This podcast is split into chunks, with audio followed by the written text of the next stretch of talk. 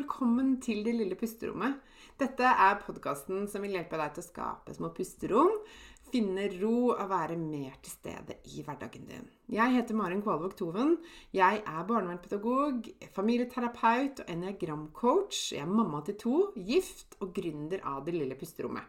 Og jeg har selv kjent på langvarig stress og har vært utbrent. Jeg brenner for å hjelpe deg ut av stress og utbrenthet og vise deg hvordan du kan finne ro selv om det er travelt rundt deg. Til daglig så hjelper jeg kvinner ut av utbrenthet og stress gjennom online coaching med min egen utarbeidede pusterommetode og ulike online-kurs. Du vil høre meg reklamere for mine tjenester i denne podkasten. Du vil også i denne podkasten få mine tips, triks og inspirasjon til hvordan du kan skape dine pusterom i hverdagen. Jeg kommer også til å dele egne erfaringer og invitere spennende gjester på besøk. Mer om meg og det jeg kan hjelpe deg med, det kan du lese om på delillepusterommet.no. Det er veldig gøy om du deler at du hører på Det lille pusterommet i sosiale medier, og tagger meg, så jeg kan si hei til deg. Jeg heter Marin Kvalvåg Toven både på Facebook og på Instagram. Her kommer dagens episode. Hei og velkommen tilbake til denne ukas eh, episode av Det lille pusterommet. Så hyggelig at du er her. Eh, I dag så har jeg kalt episoden 'Min superkraft'. Og mm, kanskje syns du det var en rar tittel? Jeg vet ikke. Aner ikke hva slags assosiasjoner du får. Men jeg har lyst til å dele en, eh, en, del av meg som jeg kanskje ikke snakker så ofte om, eh, og som jeg ikke heller var klar over før jeg var ganske godt ut i livet. Eh, men som har betydd mye for meg i forhold til å forstå meg selv, i forhold til å legge til rette for en god hverdag, og til å rett og slett like meg selv og anerkjenne meg selv bedre. Um, og for deg som har lyttet til mange av, og kanskje de første episodene av Det lille pusterommet, så deler jeg jo også litt om hvordan, hva slags forhold jeg har hatt til meg selv tidligere. At det ikke har vært så veldig bra. Uh, men at det å forstå meg selv bedre, og på et dypere plan, har hjulpet meg masse. Og denne siden av meg som vi skal snakke om i dag, den har vært en viktig brikke, og som kom før jeg eh, fant eniagrammet, eller før jeg fant meg selv i eniagrammet, og fikk de svarene som virkelig eh, ga meg et vendepunkt. Men dette var et viktig steg på veien. Og dette handler om et, eh, en del av min personlighet, et karaktertrekk, kan du gjerne kalle det, som eh, ca. 15-20% av oss har. Dette er ikke en diagnose, dette er ikke en sykdom, dette er ikke en feil. Dette er ikke noe man skal ta bort eller fikse. Dette er en helt en naturlig del av eh, det naturlige utvalget, da, eller av variasjonen eh, hos oss mennesker. Og det handler rett og slett om at jeg er høysensitiv. Noen kaller det høysensitiv, noen kaller det særlig sensitiv, noen bruker ordet sensitiv. Eh, jeg velger å kalle det høysensitiv fordi det skiller seg fra bare å være litt sensitiv, som kanskje kan høres ut som at man er litt følsom. Ehm, det å være høysensitiv er mye mer enn å være følsom. Og jeg har lyst til å dele litt i dag om hva det betyr, hva det betyr generelt, hva det betyr for meg, og eh, hvordan jeg lever med dette. Først har jeg bare lyst til å fortelle om bakgrunnshistorien. Altså, jeg har kjent til dette som et Eh, karaktertrekk i mange år. Fordi jeg eh, gjennom venner og familie har kommet i kontakt med flere som eh, karakteriserte seg selv eller barna sine som høysensitive, og har sett på dette som eh, nyttig og viktig og fint å anerkjenne hos de som har kjent seg igjen i det. Eh, men jeg kunne ikke kjenne meg helt igjen i det, og tenkte at nei, det gjelder jo ikke meg. Inntil jeg var gravid med mitt andre barn. Jeg fikk to barn ganske tett, med to år imellom, og opplevde at eh, starten på mammalivet mitt var tøft og krevende, og jeg var veldig sliten. Eh, og jeg skjønte ikke hvorfor jeg eh, hele tiden liksom kjente meg så tappa. At, at jeg liksom, følte meg nesten litt sånn kvelt. Jeg kunne kjenne på følelse av å bli spist opp av, av barnet mitt, eller barna mine. Og, og, og fikk masse dårlig samvittighet for det. Og skjønte ikke det. og hvorfor jeg liksom ikke orket så mye eh, som jeg hadde orka før. Eh, jeg har tidligere vært veldig sosial. Eh, jeg er en utadvendt person. Jeg kommer lett i kontakt med andre, tar initiativ til ting, organiserer, står gjerne foran folk og snakker, har vært hostmaster i mange bryllup osv. Eh, men det var først da jeg altså, hadde vært mamma i et par år og ventet min andre barn, at jeg skjønte hva dette handlet om for meg. Og jeg husker jeg leste en sånn oppsummering av hva det vil si å være høysensitiv, og så bare begynte jeg å gråte. Og da skjønte jeg at jeg, jeg er jo det, jeg òg. Jeg har bare ikke sett det så tydelig før, fordi at jeg opp gjennom oppveksten min og, eh, og livet mitt fram til da Jeg var jo da eh, 38 da jeg fikk mitt andre barn. Så i 38 år så hadde jeg eh, regulert liksom, mine egne behov for egentid og lading og hvile, nok søvn og alt dette her, vi skal snakke mer om, i mye større grad. Det var, ble vanskeligere da jeg ble mamma, da jeg var 36. Eh, men jeg skjønte ikke at det behovet, det jeg hadde gjort fram til da, var helt avgjørende for at jeg skulle kjenne på overskudd og balanse i hverdagen. Så den ble liksom tippa over. For jeg slutta jo å gjøre alle de tingene som jeg ubevisst hadde gjort helt fram til da. Og La meg bare si litt kort hva betyr det å være høysensitiv. Det fins ulike former for høysensitivitet. Det fins ulike eh, liksom, eh, barometere, kan du si, eller målestokker. Ulike områder å være høysensitiv på. Noen er det på ett eller flere, og andre er det på alle områder. Så det finnes ulike grader, og det finnes ulike måter å være høysensitiv på. Um, det kan dreie seg om å være veldig sensitiv for eh, ytre stimuli i form av lys, lyd, inntrykk generelt. Eh, det å ta inn mer altså Du kan nesten se det som at høysensitive mennesker har lengre antenner. Tar inn flere signaler parallelt. Kan fange opp veldig mye samtidig og prosessere det samtidig enn ikke-høysensitive. Dette kan være, veldig, kan være vanskelig for de som ikke er sensitive, å forstå. Men for, hvis du kjenner deg igjen i dette, så gir dette veldig mening. Eh, jeg hørte ei som beskrev det som at hun hadde veldig mange apper eh, gående samtidig. Det er akkurat som du på en måte tar inn veldig mye på en gang, og at det tapper batteriet ditt. Altså, eh, høysensitive går fortere, tapper fortere batteriet og lettere batteriet sitt batteriet har mindre kapasitet, altså som i energioverskudd, eh, ikke sant, trenger å lade oftere og lade mer enn de som ikke er høysensitive. Fordi at man tar inn mer, eh, prosesserer det og bearbeider det på en annen måte. Bruker mer energi. Ta inn ikke bare nødvendigvis hva som blir sagt, og hva man kan se, men ta inn andres følelser. Det som ikke blir sagt. Det som kanskje ble sagt før du kom inn i rommet. Eh, eller det som foregår mellom to andre.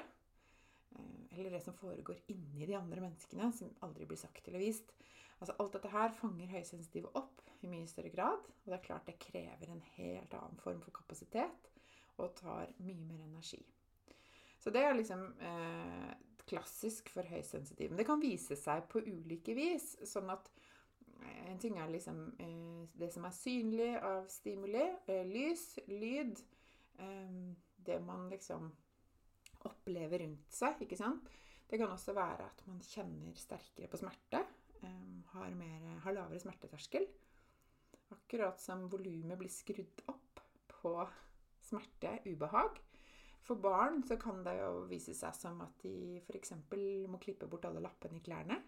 Eller ikke klarer å ha ull på kroppen. Eller, eller øh, sømmer. Det kan være sånne ting som er helt øh, Uproblematisk for et annet barn kan høysensitiv reagere veldig på. Et veldig ubehag hvis sokken er litt skeiv, eller lappen i T-skjorta klør, eller sånne, sånne småting som kan bli veldig store for et høysensitivt barn, f.eks. Um, ehm, høysensitive trenger mer alenetid. Mer, eh, trekke seg mer tilbake. Mer stillhet og ro. Og kan veldig mange som jeg snakker med, som kjenner seg igjen dette karaktertrekket, og sånn er det for meg også, opplever at eh, når, det, når, batteriet er tomt, så er det så til de grader tomt. Og det kan komme veldig brått på og være vanskelig for andre å forstå. Eh, og så har høysensitive veldig sterk intuisjon. en magefølelse. De kan ofte nesten forutse hva som kommer til å skje, særlig med sine egne barn. Eh, om flere mammaer jeg snakker med som har, er eh, høysensitive selv, og kanskje også har barn som har dette karaktertrekket, har en sånn connection med barna sine, at de tar inn barnas følelser i mye større grad. Og nesten er barnas følelser og opplevelser i situasjonen. Og kan forutse når det kommer til å tippe over for barna og bli for mye. Eh, før barna skjønner det sjøl, eller før andre voksne forstår det. Kanskje kjenner du igjen dette, eller kanskje virker dette helt gresk. Men for noen av oss er dette reelt og en del av hverdagen. Det å forstå det, det å anerkjenne det, og det å begynne å spille på lag med det, var utrolig viktig for meg. Da, altså, da jeg skjønte dette om meg selv, så, um, så var det akkurat som om jeg fikk noen svar på hvorfor jeg kunne være kjempesliten eh, etter å ha vært eh, sosial. Eh, eller hvorfor jeg kunne kjenne meg liksom spist opp hvis jeg hadde et annet menneske på kroppen min hele tiden. Jeg kan bli sånn overstimulert hvis jeg får ha fysisk kontakt og noen sover inntil meg. At jeg, at jeg blir sliten av å samsove. Det var jo ganske skamfullt. Og, og, eh, for det var liksom så snakk, fremsnakket som veldig, veldig bra for mor og barn, og tilknytning og alt det der. Og så hvorfor, hvorfor tappa det meg sånn? Eh, hvorfor ble jeg så utrolig sliten av å gå på kjøpesenter? Eller hvorfor kunne jeg ikke ha planer hele helga, f.eks.? Um, det å faktisk begynne å skjønne at eh, jeg må ha pauser, jeg må ha en sånn buffer i, eh, lagt inn i programmet mitt hver eneste dag, eh, fordi jeg vet at jeg blir tappa. Det er mange, mange, som, mange brikker som falt på plass. og jeg har nok bestandig følt meg litt annerledes. Jeg husker da jeg var liten, at jeg tenkte at jeg var litt mer komplisert. Jeg var ikke så lettvint. Jeg tok ikke så lett på ting. Jeg prosesserte og tenkte veldig mye. Og tenkte at jeg var liksom mer komplisert enn mange andre. Og jeg tror det handler litt om dette, da. At uh, jeg var oftere i det litt sånn dype uh, enn det kanskje mange andre var. Og kjente meg litt rar og annerledes pga. det. Men så viser det seg jo da at vi er ganske mange som har det sånn. Og mange av mine coachingkunder som kjenner seg igjen etter, beskriver mye av det samme. Og at de, eh, at de ved å forstå dette om seg selv eh, begynner å skjønne hva de trenger mer av når man begynner å anerkjenne det. da. Det er jo en del utfordringer knytta til det å være høysensitiv, det må jeg bare si. Og særlig vi lever i en tid hvor, du, hvor det går veldig fort. Hvor det er eh, ubegrensa med stimuli bare i løpet av en vanlig dag, hvis ikke du er veldig bevisst det er mye støy rundt oss. Både sånn eh, lydmessig støy, men også visuelt, ikke sant? Og, og, og, hvis ikke du er veldig setter veldig grenser for deg selv, så kan man ta inn enormt med inntrykk i løpet av en vanlig dag. Eh, som jo er krevende og slitsomt. Så høysensitive trenger som sagt mer hvile, mer nedetid, mer alenetid, eh, mer ro. Og har også ofte et dypere forhold til musikk eller kunst eller natur, og kjenner at de trekkes mer mot det når de virkelig lytter.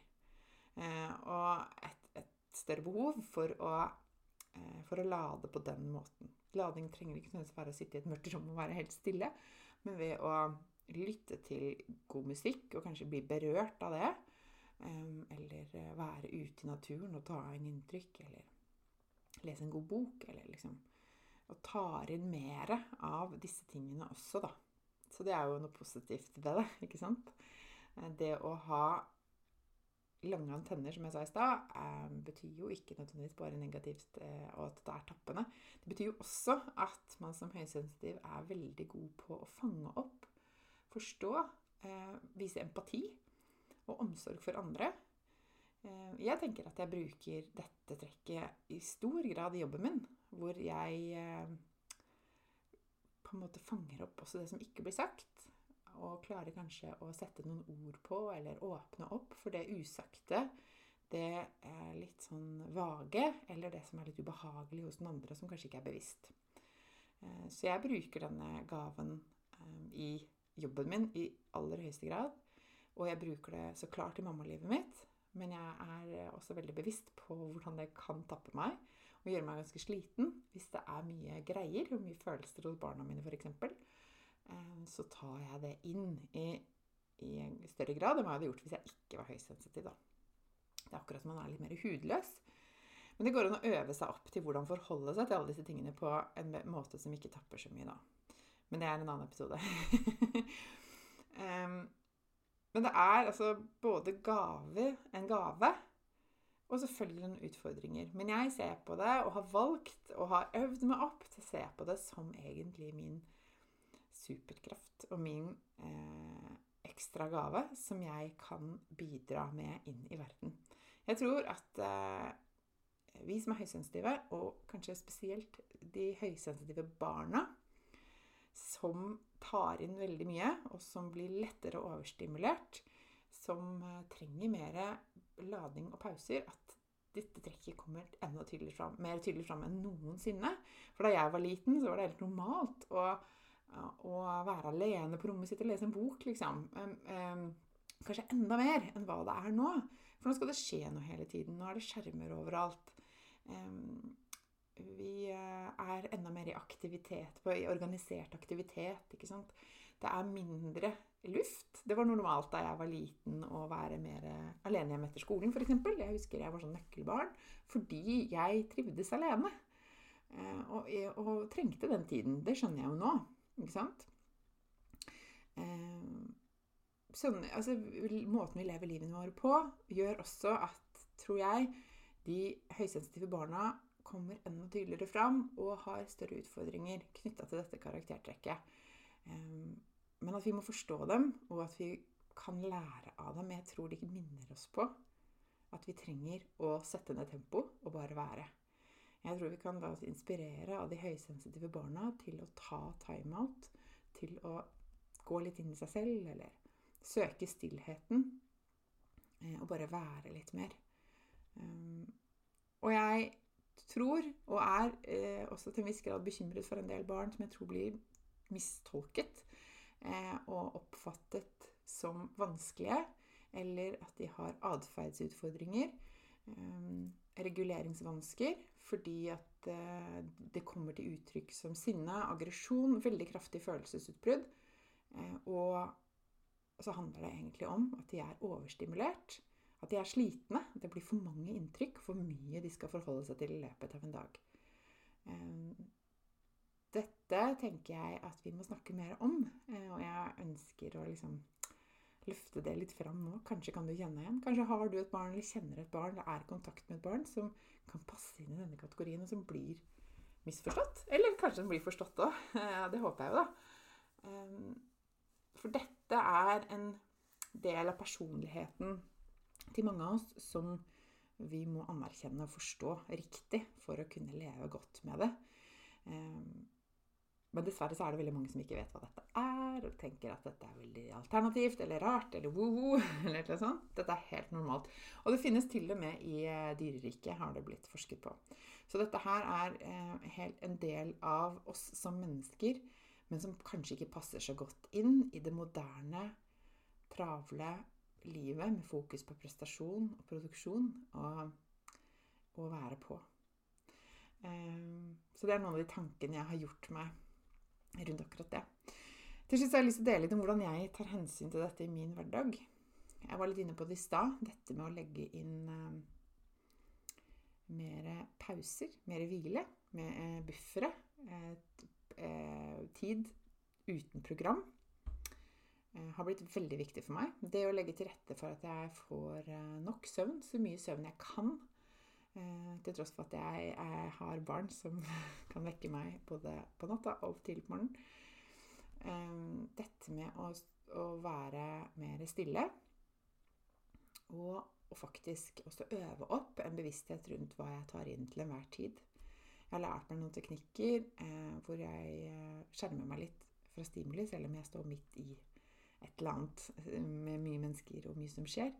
Jeg øvd meg opp til det, og det har hjulpet meg til å konservere måte, energien min litt, eller beskytte meg litt da, fra alt, eh, som, alle signaler som kommer inn.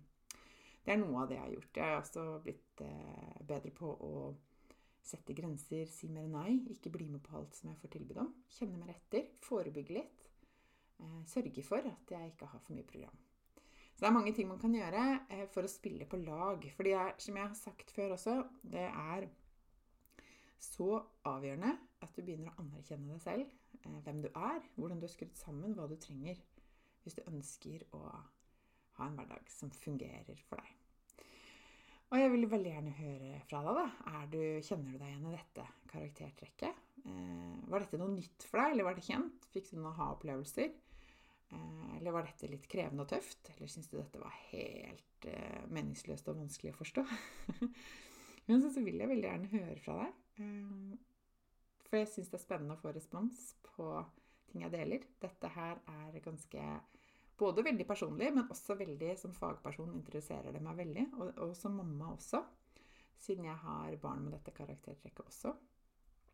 Så eh, ta gjerne kontakt med meg. Skriv til meg i sosiale medier. Du finner meg på Det lille pusterommet på Instagram, på Facebook. Eh, og del med meg hva du ble opptatt av etter denne episoden. Så snakkes vi mer der. Og inntil vi snakkes her igjen, så håper jeg du tar godt vare på deg selv. Ha det bra så lenge. Dette var dagens episode. Jeg håper du likte den. Og hvis du gjorde det, så del gjerne i sosiale medier og tagg meg med Mari, at Maren Kvalvåg Toven, så kan jeg si hei til deg. Jeg blir så glad for sånne meldinger.